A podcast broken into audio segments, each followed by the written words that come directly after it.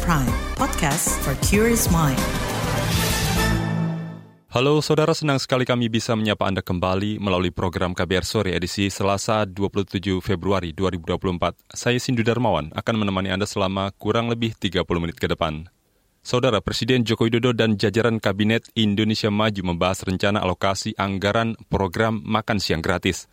Program itu salah satu janji kampanye calon presiden dan wakil presiden Prabowo Subianto Gibran Rakabuming pada pemilihan presiden 2024. Namun program tersebut mempunyai konsekuensi terhadap kesehatan dan ekonomi negara, yakni ancaman defisit fiskal hingga kecukupan nutrisi dari sumber makanan yang dipilih. Lantas apa saja konsekuensi atau risiko kesehatan dan ekonomi yang bakal ditanggung rakyat jika program ini diterapkan? Selengkapnya kita bahas di KBR sore.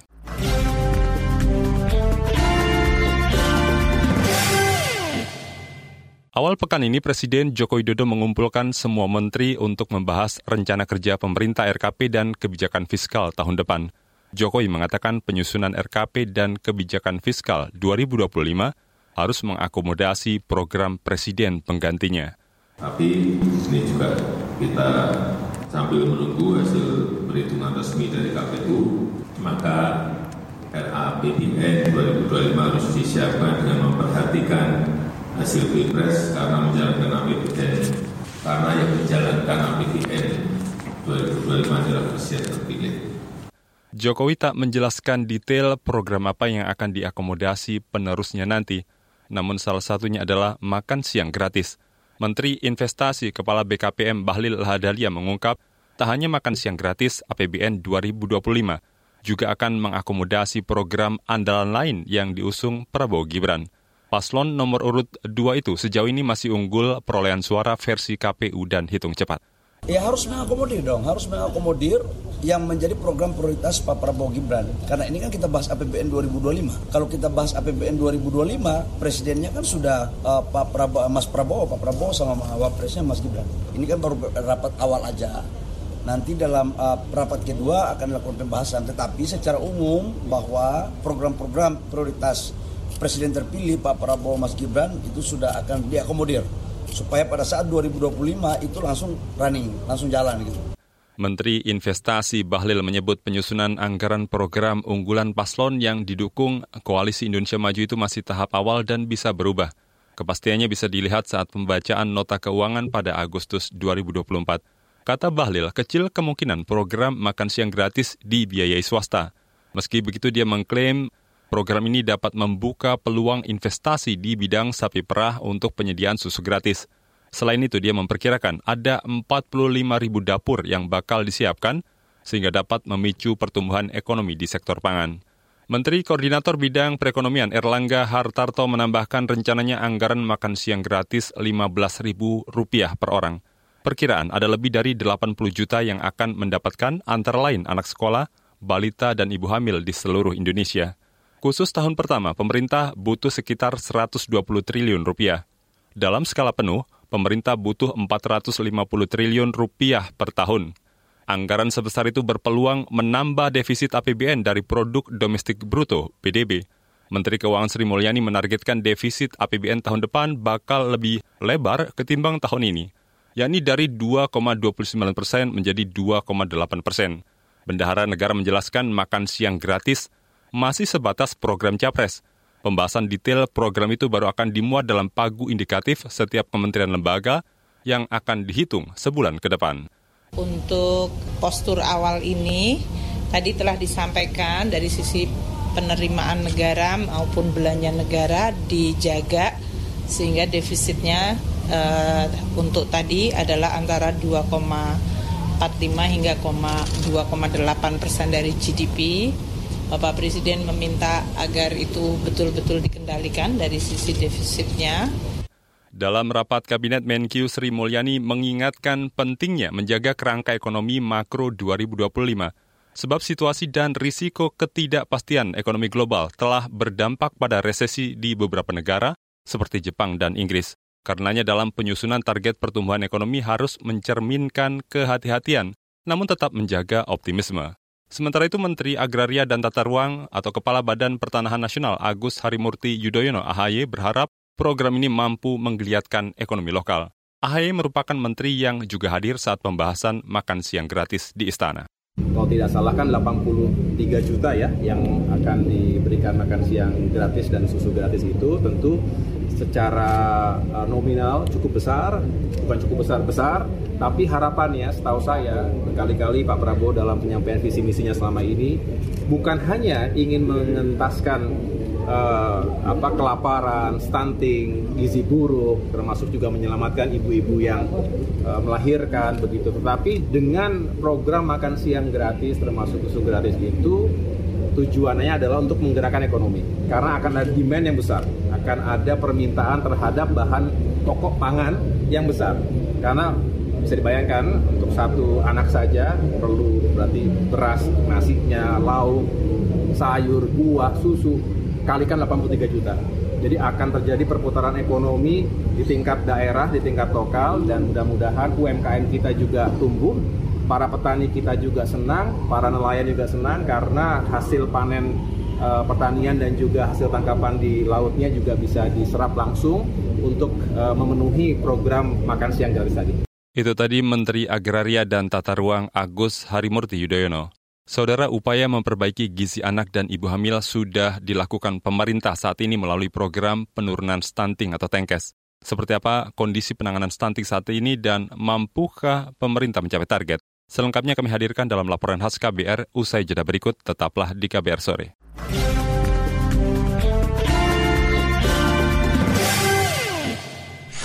Commercial break. Commercial break. Yang baru, yang baru, yang baru. Tidak ada yang lebih baru dari kabar baru. Cukup 5 menit bisa perbaharui informasi kamu. Cukup 5 menit berita terbaru ada di genggamanmu. 5 menit sayang untuk dilewatkan karena kabar baru diramu dengan kualitas jurnalistik terbaik didukung puluhan reporter dan kontributor di Jakarta dan berbagai kota di tanah air. Simak hanya di kbrprime.id. Cukup search kabar baru, kamu akan dapatkan informasi teraktual dalam 5 menit. You're listening to KBR Pride, podcast for curious mind. Enjoy!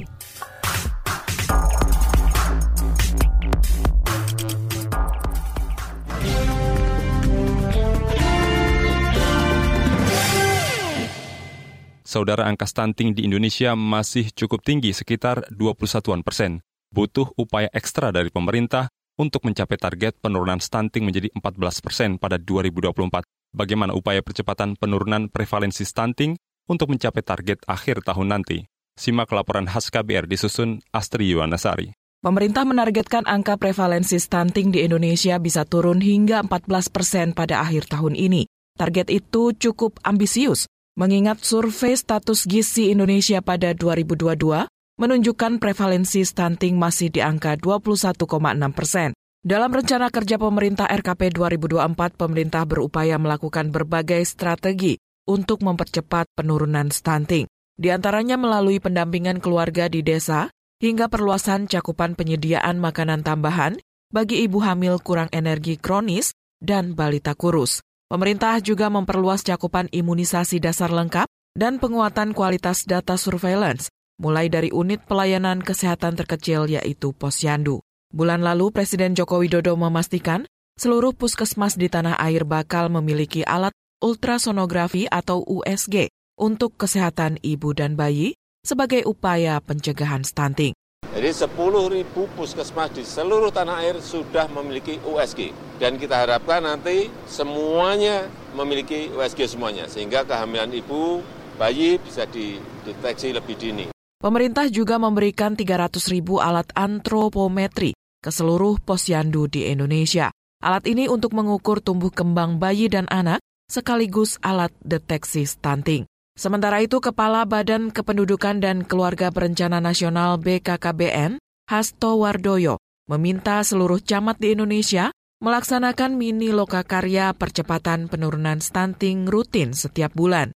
Hasto menyebut, mini lokakarya ini penting untuk menjangkau dan membicarakan siapa saja yang berisiko tinggi, seperti ibu hamil yang miskin ekstrim atau hamil tetapi punya penyakit tertentu karena unit cost atau anggaran yang dialokasikan melalui dana uh, BOKB, DAK, ini adalah uh, sifatnya uh, rutin sebulan sekali dan kemudian di masing-masing kecamatan diadakan mini lokakarya. Meski berbagai program dilakukan, upaya pemerintah mengatasi stunting atau tengkes mendapat banyak kritik. Salah satunya kritik pada program pemberian makanan tambahan.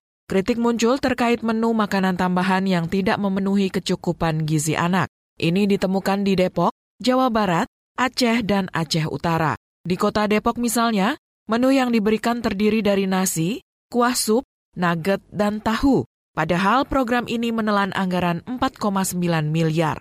Menanggapi hal tersebut, Badan Pangan Nasional Bapanas meminta pemerintah daerah melaporkan jika menemukan ada bantuan menu makanan tambahan yang tidak layak konsumsi. Sekretaris Utama Bapanas Sarwo Edi mengatakan telah menyalurkan bantuan pemberian makanan tambahan ke lebih dari 1,4 juta keluarga rawan stunting atau KRS. Bantuan ini berupa telur satu pak dan daging ayam satu kilogram mohon dari pemerintah daerah baik di tingkat provinsi, kabupaten, kota untuk ikut melakukan monitoring terhadap kelancaran pelaksanaan bantuan pangan ini dan mohon diinformasikan apabila ada bantuan atau barang-barang yang rusak atau eh, barang-barang eh, yang memang tidak layak untuk dikonsumsi. Sejumlah pihak ragu pemerintah bisa mencapai target penurunan stunting hingga 14 persen di tahun ini. Anggota Komisi Kesehatan DPR RI Neti Prasetyani bahkan mempertanyakan akurasi data yang diklaim pemerintah terkait penurunan stunting.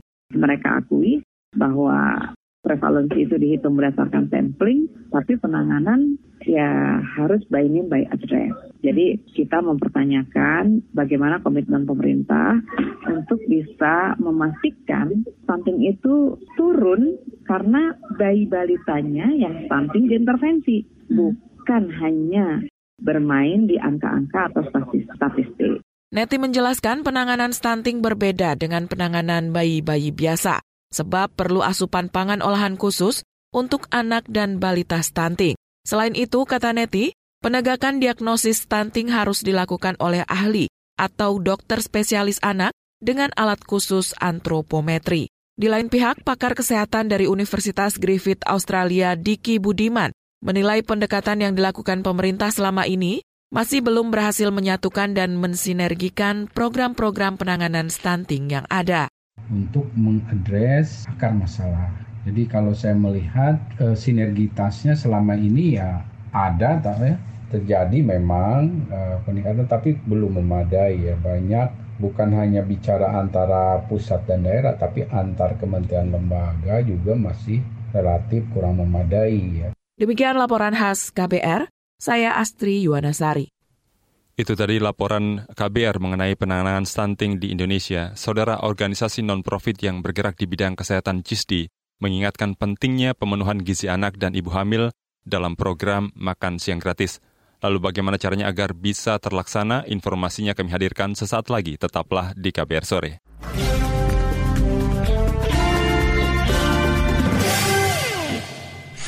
Commercial break. Commercial break.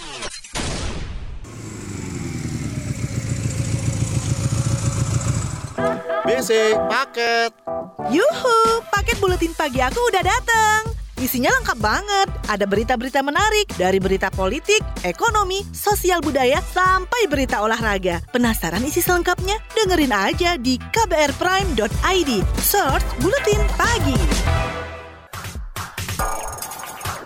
You're listening to KBR Prime, podcast for curious mind. Enjoy!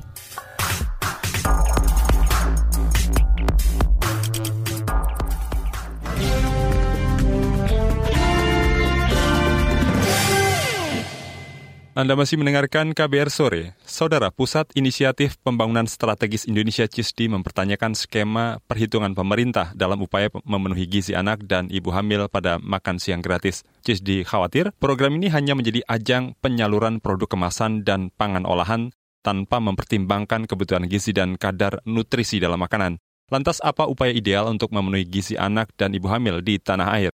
Selengkapnya kita simak wawancara jurnalis KBR Heru Haitami bersama CEO Lembaga Kajian Cisti Dia Saminarsi. Ini kan yang sedang direncanakan sekarang adalah justru eh, diberikan kepada pelajar atau uh, siswa dengan jenjang tertentu gitu. Dengan bahkan angkanya sudah direncanakan satu orang mendapat 15 ribu. Dari hitung-hitungan seperti itu Budi melihatnya seperti apa? Uh, saya perlu lebih banyak informasi sebenarnya. Kan kita kemarin baca di mana-mana sudah ada 15 ribu. Saya berharap angka 15 ribu itu itu diambil dengan perhitungan atau dengan background informasi yang cukup bahwa 15 ribu itu bisa dipakai dijamin untuk bisa memenuhi kebutuhan seorang anak. Dia punya protein, lemak, karbohidrat yang seimbang, makanannya tidak tidak diambil minuman berpemanis dalam kemasan, mhm. bukan makanan yang ultra proses dan gizinya benar-benar bisa dipertanggungjawabkan saya berharap angka 15 ribu itu bisa mempertanggungjawabkan konsep tadi. Bukan diambil dari, oh berapa ya sisanya APBN, ada 100 ya kalau gitu dibagi aja jumlah murid, kalau gitu berarti angkanya 15 ribu. Semoga tidak seperti itu. Semoga 15 ribu itu betul-betul diambil dengan pertimbangan gizi yang benar. Bahwa memang ini mau memberikan makanan bergizi untuk murid untuk pelajar. Semoga begitu karena kita nggak tahu ya yang ada di luar di di publik bilangnya kan 15.000 per anak tapi dasar pertimbangannya kita nggak diberitahu jadi semoga dasar pertimbangannya adalah dasar pertimbangan gizi, kesehatan, bukan dasar pertimbangan cukup atau nggak cukup uangnya. Apakah ada pedoman teknis yang uh, dibutuhkan agar program makan uh, untuk siswa ini ya memenuhi gizi anak? Ada banyak, bisa diambil dari WHO. Pemerintah Indonesia sendiri punya isi piringku yang bisa dijadikan patokan, bisa diambil kasus studi kasus benchmark dari negara-negara yang berhasil dari program ini yang ada di kawasannya bisa Jepang bisa dilihat apakah Thailand pernah mencoba seperti itu atau benchmark global. Negara-negara yang maju dan baik kesehatannya seperti negara Skandinavia atau Belanda barangkali itu bisa dilihat. Bagaimana pola pemberian makanan di sekolah ini atau bahkan negara-negara Afrika yang dengan proyek-proyek tertentu yang disupport oleh berbagai negara dan oleh lembaga-lembaga donor itu juga yang berhasil bisa diambil. Jadi best practices itu harus dilihat yang cocok untuk Indonesia seperti apa.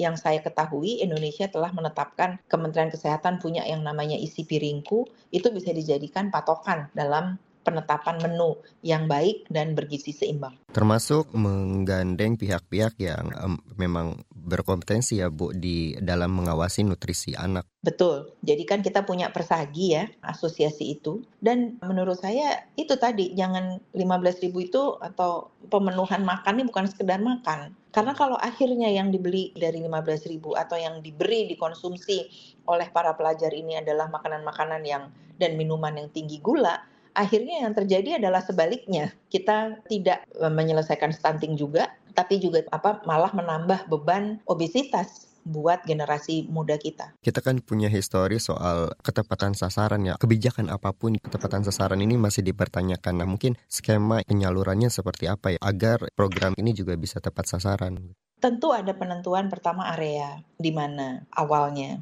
Ini tentu perlu transparansi dari pihak pemerintah nanti ke lokasi-lokasi mana dan penentuan lokasi tersebut berdasarkan apa. Tentu itu. Kita punya data yang cukup lengkap, Kementerian Kesehatan saya tahu punya data yang cukup lengkap untuk bisa memetakan lokus atau area di mana program ini bisa menjadi prioritas. Jadi lokus prioritasnya terlebih dahulu. Nah, setelah menentukan lokus prioritas, let's say di di dalam cakupan atau lingkup provinsi, itu bisa kemudian bekerja sama dengan dinas kesehatan provinsi, dinas kesehatan kabupaten atau kota, dan kemudian dengan desa yang terkait. Kita harus lihat bahwa pemerintahan juga kalau bicara soal distribusi, Indonesia ini pemerintahannya berjenjang, ada tiga level pemerintahan yang harus sinkron, jadi itu men menjadi catatan dan kemudian di tingkat komunitas uh, bagaimana memastikan agar dinas pendidikan yang terkait ikut, dinas pendidikan dan kesehatan juga terlibat di dalamnya,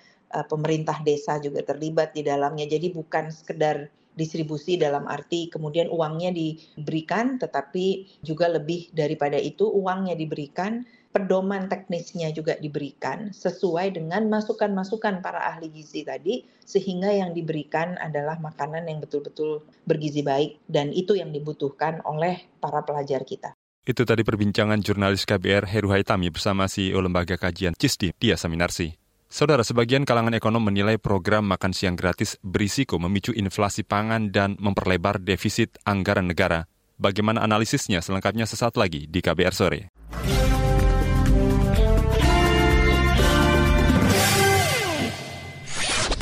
Commercial break. Commercial break. Tolong, tolong. Ada apa MJ? Spiderman tolong tangkepin orang ini. Aku habis kena tipu investasi bodong nih. Sekarang aku bangkrut. Oh alah, pasti belum dengerin uang bicara ya? Uang bicara? Apa itu? Podcast ekonomi dan literasi finansial dari KBR Prime. Narasumbernya kredibel dan topiknya cocok banget buat anak muda kayak kita. Ada juga nih, topik biar nggak ketipu investasi bodong. Uang Bicara, menavigasi kamu supaya tetap cuan dari KBR Prime. You're listening to KBR Prime, podcast for curious mind. Enjoy!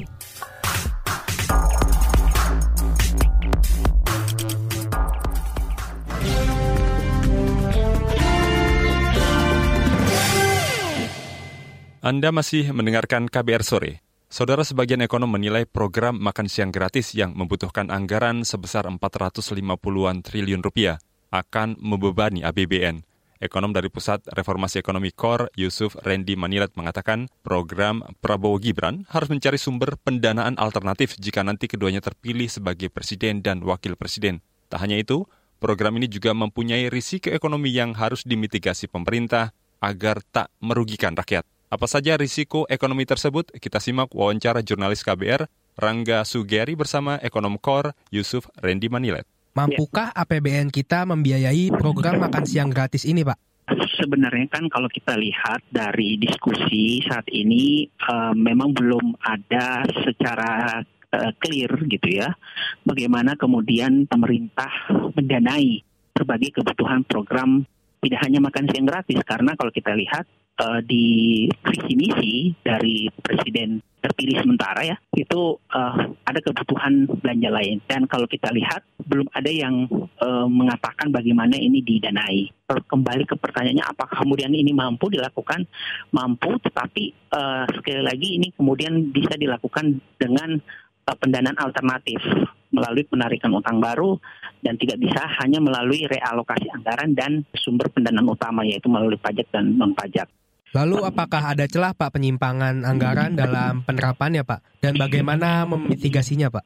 Kita perlu melihat dulu apakah e, nanti pembagian dari makan siang gratis ini secara langsung gitu ya atau misalnya dibagikan e, voucher nanti tinggal ditukarkan gitu kepada pihak-pihak di daerah misalnya karena itu juga akan apa ya menentukan apakah ada celah dari kebijakan ini ini juga akan uh, mempengaruhi besar kecilnya peluang uh, apa kebijakan ini disalahgunakan. Uh, nah, uh, mitigasinya itu tadi sebisa mungkin sebenarnya uh, tadi uh, apa dibagikan dalam bentuk tertentu, kemudian misalnya pengawasannya apakah sentralistik dan juga uh, koordinasi dari penyalurannya karena semakin banyak pihak yang terlibat dari proses pengawasan di program makan siang gratis ini, maka saya kira peluang untuk disalahgunakannya program ini untuk kepentingan umum tertentu juga akan relatif semakin kecil. Lalu apakah program ini dapat memicu inflasi pangan, Pak? Serta mampukah kita menghindarinya?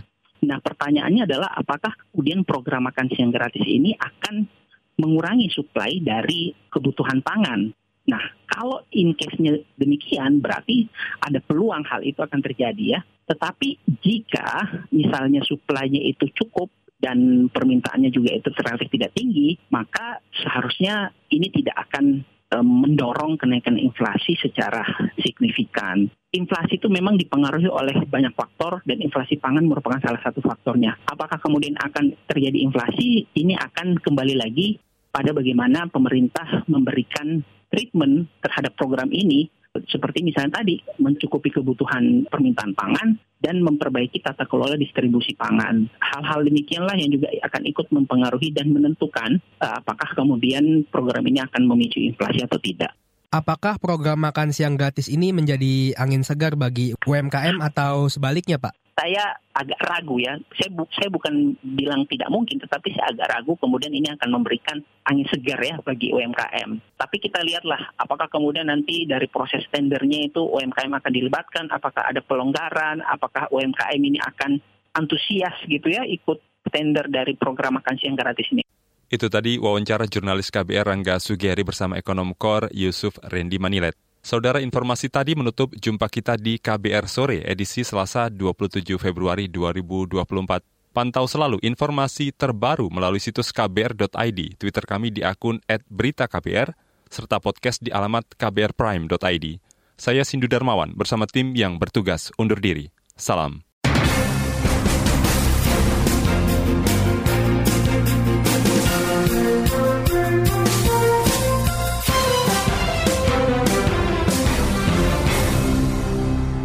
KBR Prime, cara asik mendengar berita.